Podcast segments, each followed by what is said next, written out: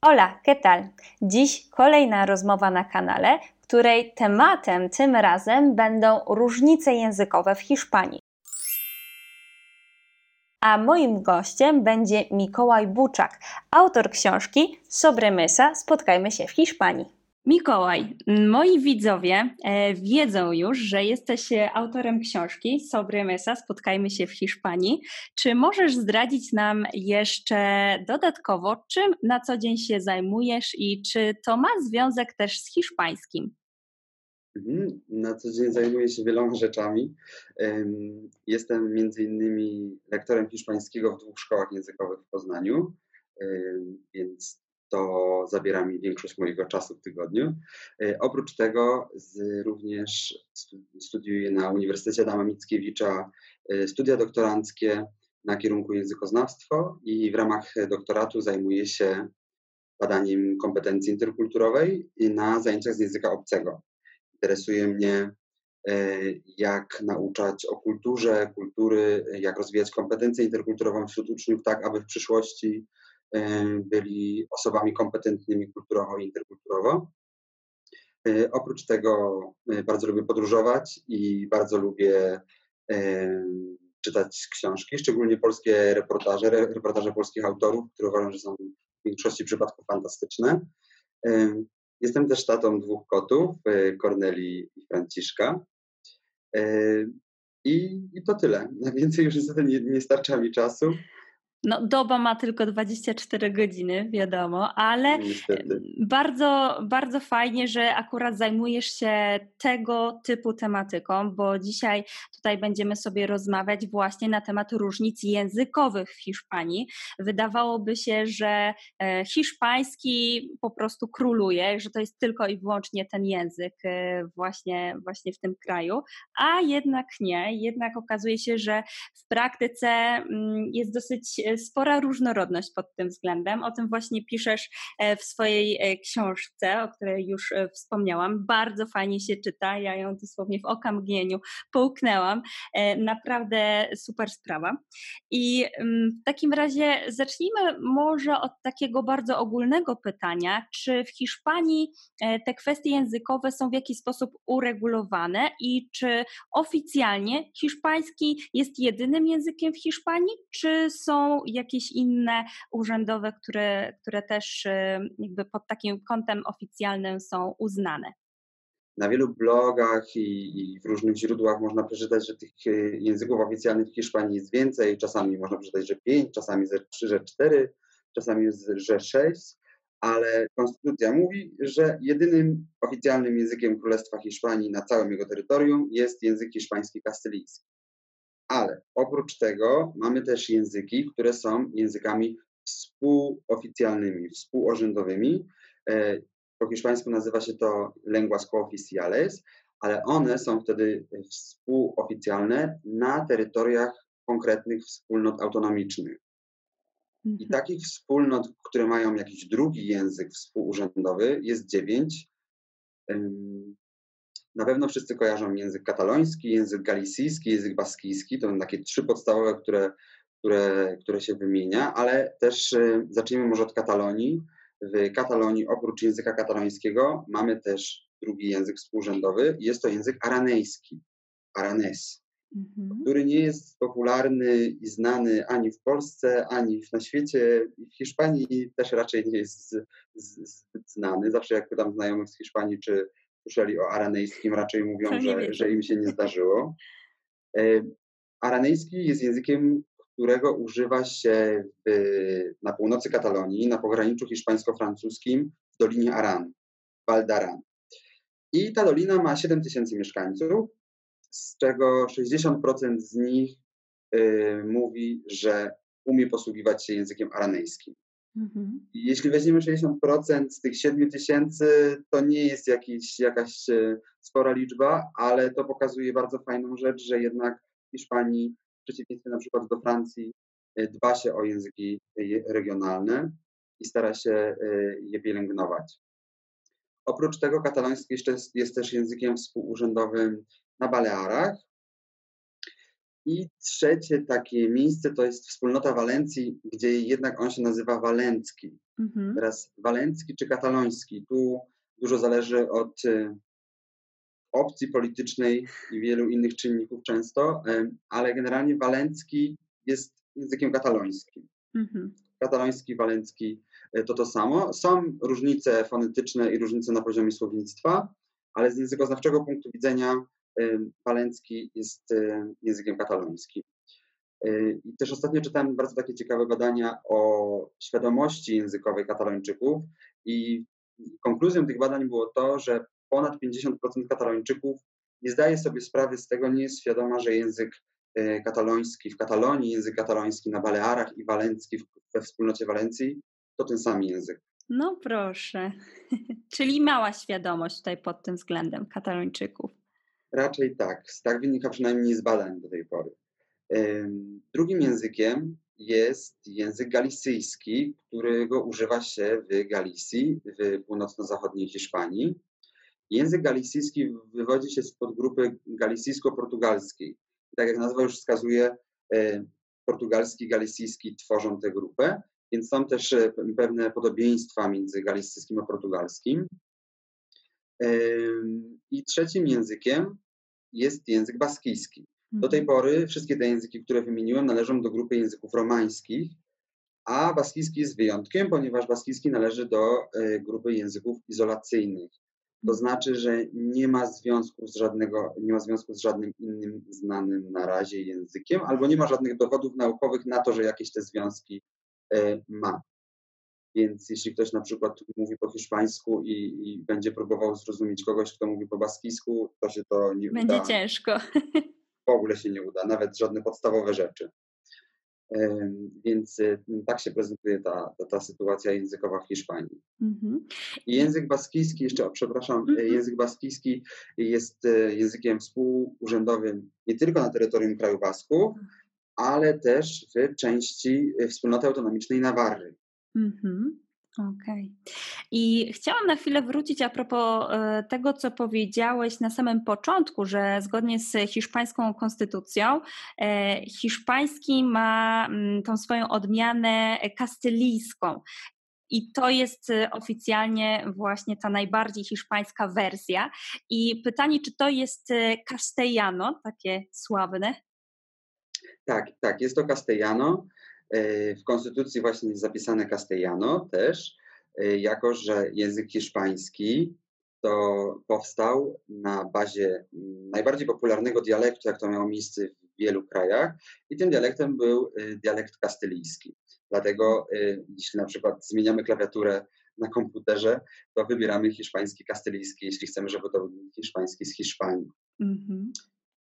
Okej, okay, czyli wiemy już, jak to wygląda od strony tej oficjalnej, i chciałam Cię zapytać a propos podobieństw między tymi językami, bo wspomniałeś, że baskijski jest zupełnie odklejony od tej hiszpańskiej rzeczywistości, czyli jak rozumiem, przeciętny Hiszpan, jeżeli będzie czytał na przykład coś po baskijsku, to kompletnie tego nie zrozumie, tak? W ogóle. Jeśli okay. uda mu się przeczytać, mm, istnieje taki mit w ogóle w Hiszpanii, że baskijski czyta się tak samo jak hiszpański, co nie zawsze jest prawdą, ale takie istnieje przeświadczenie, ale nie zrozumiane ani słowa raczej. Okej, okay, rozumiem.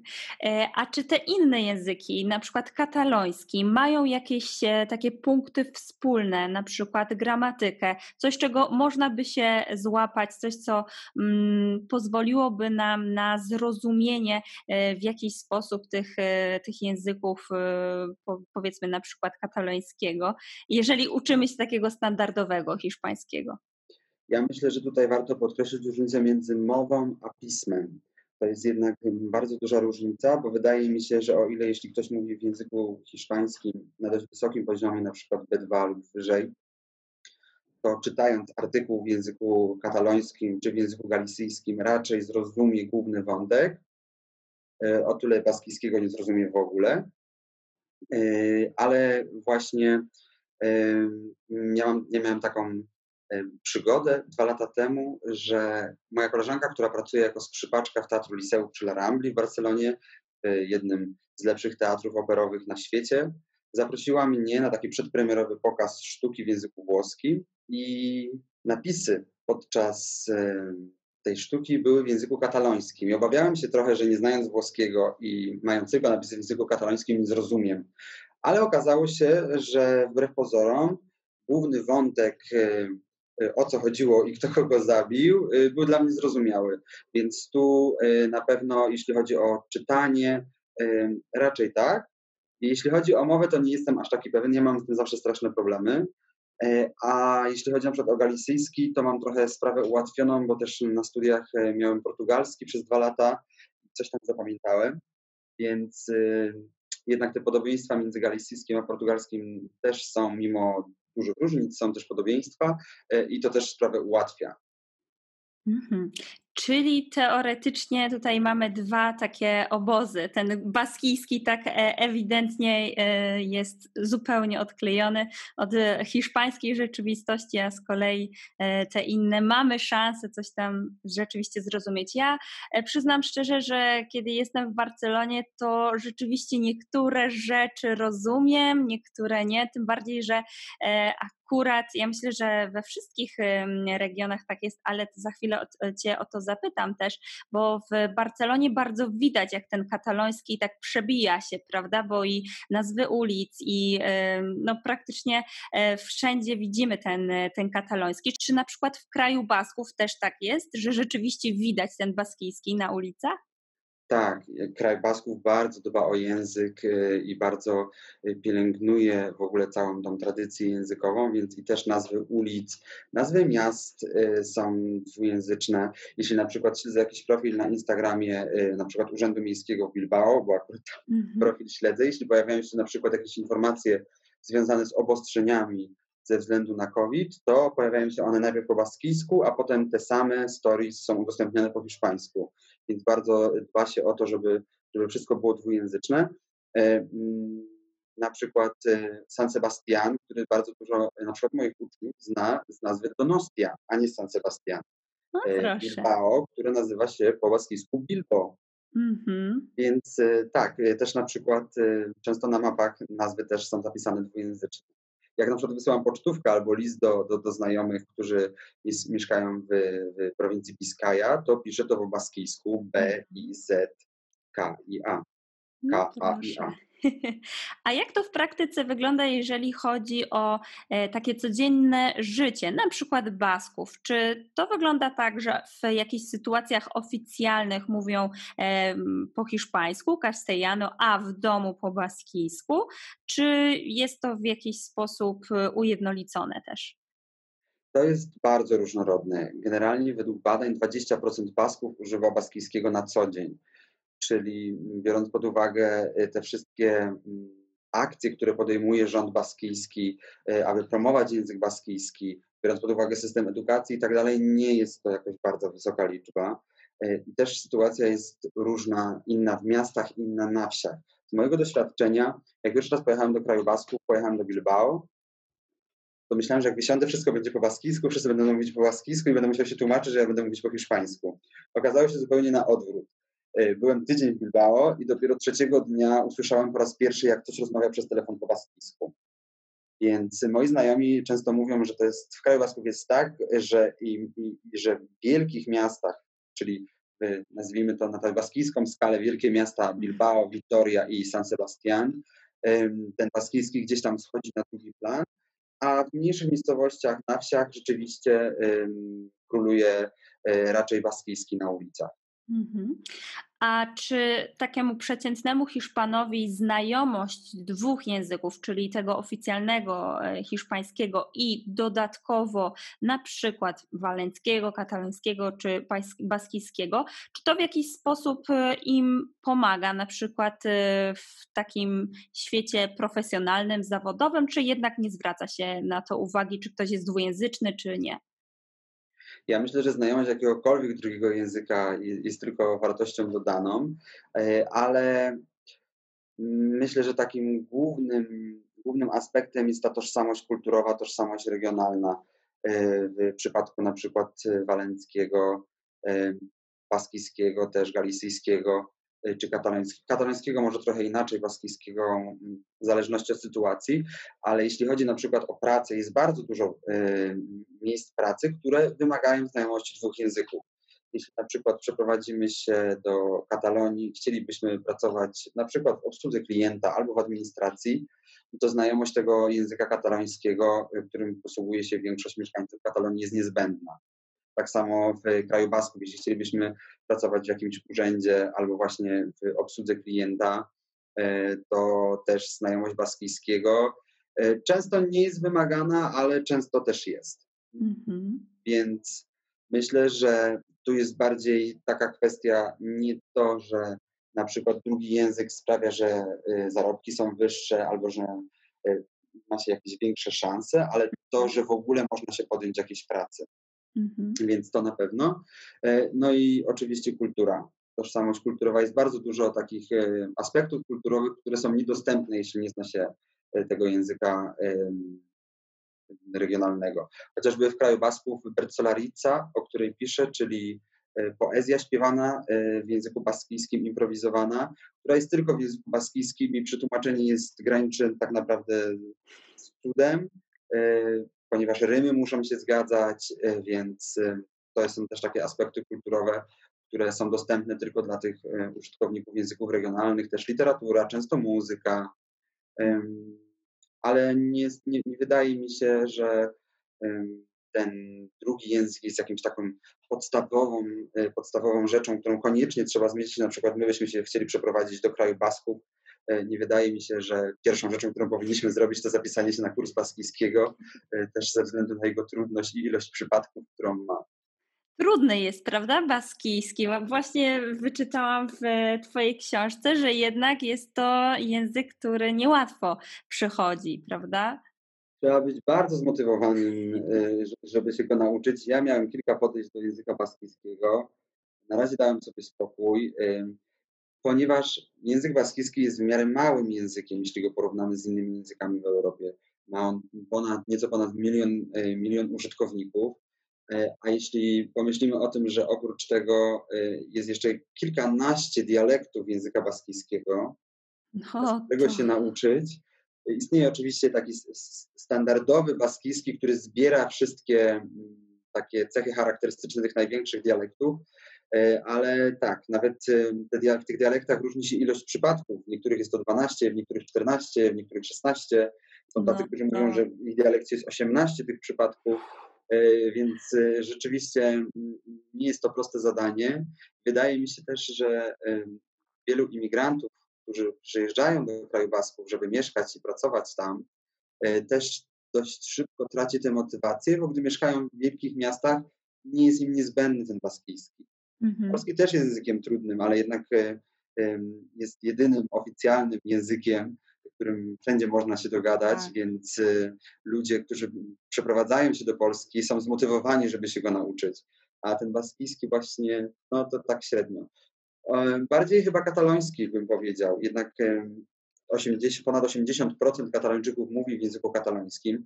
Tak jak już mówiłaś, bardzo dużo napisów jest w języku katalońskim. Jak pójdziemy na przykład do księgarni w Barcelonie, jest duże prawdopodobieństwo, że wszystkie działy książek będą napisane tylko po mhm. katalońsku. Mhm. I też odnoszę takie wrażenie, że w Katalonii raczej zakłada się z góry, że zaczynamy mówić w, kata- w języku katalońskim. Mhm. Więc tu też ta motywacja jest trochę większa. No i też kataloński jest językiem, językiem trochę większym, bo mówi się nie tylko właśnie w Katalonii, ale też wspólnota Walencji, też Baleary, ale też na przykład Andorra, gdzie kataloński jest językiem oficjalnym.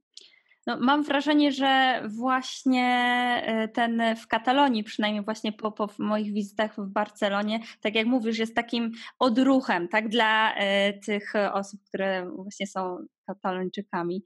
I to jest e, dosyć ciekawe, że oni bardzo często przeplatają, nawet jeżeli wydaje im się, że mówią castellano, to przeplatają to katalońskim. I często jest tak, że rozmawiam z kimś i tak mimo wszystko muszę się jednak domyślać, co on chce mi powiedzieć, prawda? Ja jestem wielkim fanem tego przeplatania właśnie y, językami regionalnymi, y, na przykład w kraju Basków, gdzie są takie słowa po prostu, gdzie, które mówi się po baskijsku, bo tak się przyjęło, że te słowa po prostu mówi się po baskijsku. Nawet jeśli rozmawiamy po hiszpańsku, mm. to są takie słowa, które automatycznie Baskowie wplatają po baskijsku i myślą, że wszyscy zrozumieją, o co im chodzi.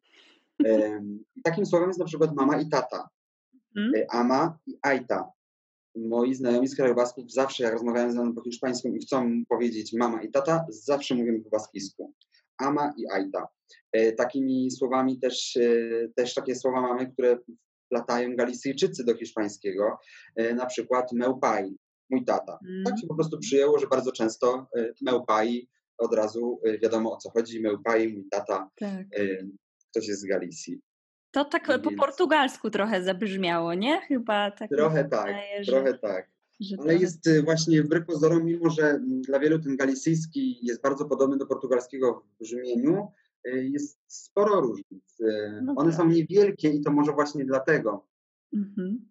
Y, tak, jakoś tak nam to brzmi, że, że, że jest to taki portugalski, ale raczej nie, wypada, nie wypadałoby powiedzieć Galicyjczykom, że galicyjski to prawie portugalski. To no nie tak. polecam tego mówić. Tak. Mogliby się podwłościć trochę na nas. Tak. Okej. Okay. W książce, e, o której mm, wspominałam już też, e, piszesz dużo o edukacji, e, która właśnie stawia na tą dwujęzyczność. Opisujesz trochę cały ten system, ale gdybyś tutaj nam w kilku słowach mógł to podsumować, czy stawia się na tą edukację dwujęzyczną w Hiszpanii, czy raczej, czy jakby system dba o to, żeby Hiszpanie uczyli się tych dwóch języków, czy jednak to jest bardziej nauka taka na własną rękę? To jest w ogóle bardzo ciekawe zagadnienie, bo w przeciwieństwie na przykład do Polski, gdzie mamy scentralizowany system edukacji, w Hiszpanii wspólnoty autonomiczne mają bardzo duże kompetencje co do decydowania o edukacji i mogą w wielu kwestiach decydować, jak chcą, aby przebiegała edukacja. Dlatego tych różnic między tymi wspólnotami autonomicznymi, o których rozmawialiśmy, które mają język współurzędowy, e, są spore. Na przykład w Katalonii edukacja do poziomu uniwersyteckiego odbywa się w języku katalońskim, a język hiszpański jest przedmiotem jak każdy inny, po mhm. prostu. Mhm. W Galicji na przykład, w przedszkolach, używają nauczyciele tego języka, który jest pierwszym językiem dla większości dzieci i starają się też zachować balans między używaniem pierwszego i drugiego, tak żeby później dzieci mogły używać i jednego i drugiego. W szkole podstawowej na przykład są przedmioty, które są obowiązkowo po galicyjsku i są przedmioty, które są obowiązkowo po hiszpańsku. Na przykład na poziomie szkoły podstawowej matematyka jest obowiązkowa po hiszpańsku. Mm-hmm.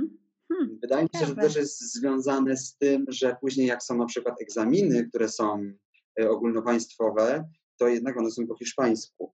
E, więc e, umiejętność liczenia jako taka podstawowa umiejętność w życiu odbywa się po hiszpańsku, a w szkołach podstawowych w Galicji na przykład takie dwa przedmioty, które, które są po galicyjsku to Ciencias de la Naturaleza czyli coś w stylu nauki przyrodnicze. Mhm, przyroda. Mhm. mhm. I ciencias sociales, czyli coś w stylu nauki społeczne, coś jak edukacja obywatelska, trochę taki mhm. lajtowy WOS, powiedziałbym, bo to jednak szkoła podstawowa. I właśnie tak to wygląda, a reszta przedmiotów może być albo po galicyjsku, albo po hiszpańsku, ale też z tym zastrzeżeniem, że powinien być zachowany balans pomiędzy jednym i drugim językiem. E, w kolejnym etapie edukacyjnym w Galicji to już dochodzą kolejne przedmioty, które obowiązkowo muszą być po hiszpańsku. Oprócz matematyki jest to fizyka i chemia. Mhm. Okay. A po galicyjsku muszą być e, nauki geograficzne i biologia. Mhm. I wymieszane to wszystko. Trochę wymieszane, tak. I reszta przedmiotów też szkoła może zdecydować, które będą po galicyjsku. Okej, okay, czyli można by wyciągnąć taki wniosek, że Hiszpanie nie mają problemu z dwujęzycznością, bo na co dzień, w zasadzie już e, od tych lat szkolnych zderzają się z tym, że muszą mówić na przykład po hiszpańsku, a za chwilę jakiś przedmiot będzie w tym języku danej wspólnoty autonomicznej. Jeszcze mm, na przykład system edukacyjny baskijski, którym chciałbym wspomnieć. Mówią o Katalonii, mówią o Galicji, ale w kraju Basków y, zrobiono to w jeszcze inny sposób. Wymyślono po prostu trzy modele edukacji. Mhm. Pierwszy model, model A, mówi, że język hiszpański jest językiem wiodącym, wszystko jest w języku hiszpańskim, a język baskijski jest językiem dodatkowym, takim normalnym przedmiotem. Okay. Później mamy model B, który mówi, że wszystko jest wyrównane, połowa przedmiotów jest po baskijsku, połowa przedmiotów jest po hiszpańsku. Dzieci na przykład idą na WF po baskijsku, potem mają matematykę po hiszpańsku. I trzeci model, to jest model, który jest najpopularniejszy, szczególnie w szkołach podstawowych, to jest model D, gdzie najpierw wszystko jest po baskijsku, a potem po hiszpańsku, a hiszpański jest jako normalny przedmiot. I potem wraz z, z kolejnymi etapami edukacyjnymi e, ten model D traci na popularności, jako że e, egzaminy państwowe i tak dalej są po hiszpańsku. E, I co jest ciekawe, właśnie będąc w kraju Basków, jeden z moich przyjaciół jego mama pracuje w szkole, gdzie y, pracuje po baskijsku, w języku baskijskim, do dzieci mówi w języku baskijskim. Ja się zapytałem, jak on się czuje ze swoim baskijskim. To jest jednak bardzo trudny język. Y, I on mówi, że on w domu używa języka hiszpańskiego.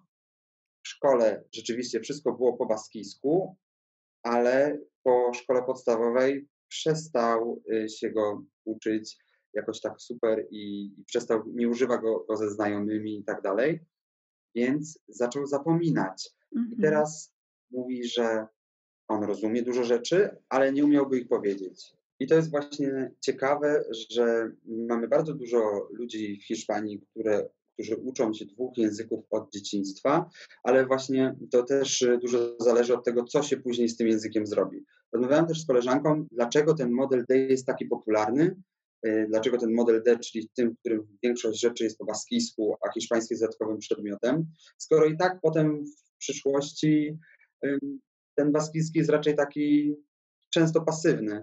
I ona mi powiedziała, że to dlatego, że rodzice chcą mówić do swoich dzieci po baskijsku i to jest najlepszy sposób, żeby, nazwijmy to, najmniejszym wysiłkiem móc sprawić, aby dzieci chociaż coś tam mówiły po tym baskijsku, żeby miały kontakt ciągle z tym językiem i tak dalej, i tak dalej.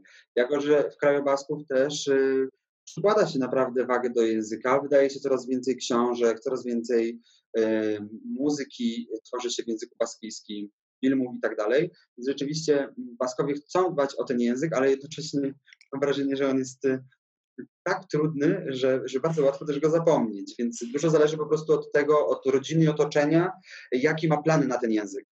Czy trochę szkoda często, e, ale też e, musimy pamiętać, że są też duże różnice między mm, młodymi ludźmi, a między y, ludźmi starszymi.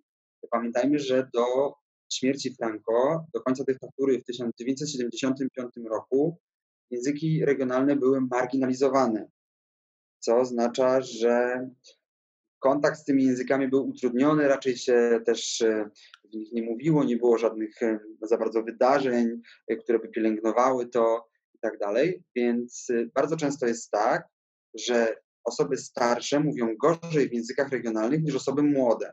Mhm. Mnie to strasznie szokowało, jak byłem w Katalonii, spotkałem się z moim znajomym z katalończykiem i poszliśmy do księgarni pooglądać coś tam i on kupował książkę do katalońskiego. Ja mówię, a po co kupujesz książkę do katalońskiego, skoro znasz kataloński? On mówi, dla mojej mamy, bo ją w szkole źle nauczyli i ona robi dużo błędów, więc kupuję jej taki po prostu kataloński dla średnio zaawansowanych, e, żeby się trochę podszkoliła. Rozumiem. To też jest takie ciekawe. To jest ciekawostka, tak, że, bo wydawałoby się, że odwrotnie powinno być, prawda? Tak, i właśnie zapytałem się go, w jakim języku rozmawia ze swoją babcią na przykład, która mhm. przeżyła dyktaturę i on mówi, że z babcią rozmawia po hiszpańsku, hmm. z dziadkiem rozmawia po hiszpańsku, z mamą mhm. czasami po hiszpańsku, czasami po katalońsku, a ze znajomymi po katalońsku. Mhm. I też właśnie w tym raporcie, a propos, o którym wspominałem, a propos świadomości językowej, wynika z tego, że ponad połowa katalończyków z dziadkami rozmawia w języku hiszpańskim, z rodzicami około 40% rozmawia w języku hiszpańskim, ale już na przykład ze swoim partnerem lub partnerką większość rozmawia w języku katalońskim. No proszę, jak to historia może wpłynąć na no. język, no. prawda? Ciekawe, ciekawe. Mikołaj, bardzo Ci dziękuję za mnóstwo, mnóstwo ciekawych informacji, ale w Twojej książce e, Sobre Mesa, Spotkajmy się w Hiszpanii, znajdziecie jeszcze więcej ciekawostek. Ja jestem pod wielkim wrażeniem tego, e, jak fajnie jest ta książka napisana, takim prostym, ale jednocześnie ciekawym językiem. Także bardzo Was e, serdecznie zachęcam do tego, żeby do książki zajrzeć. No i mam nadzieję, Mikołaj, że spotkamy się jeszcze kiedyś tutaj na kanale. Ja również bardzo dziękuję i też mam nadzieję, że się spotkamy w niedalekiej przyszłości. To hasta luego. Ciao. Hasta luego. Ciao, ciao.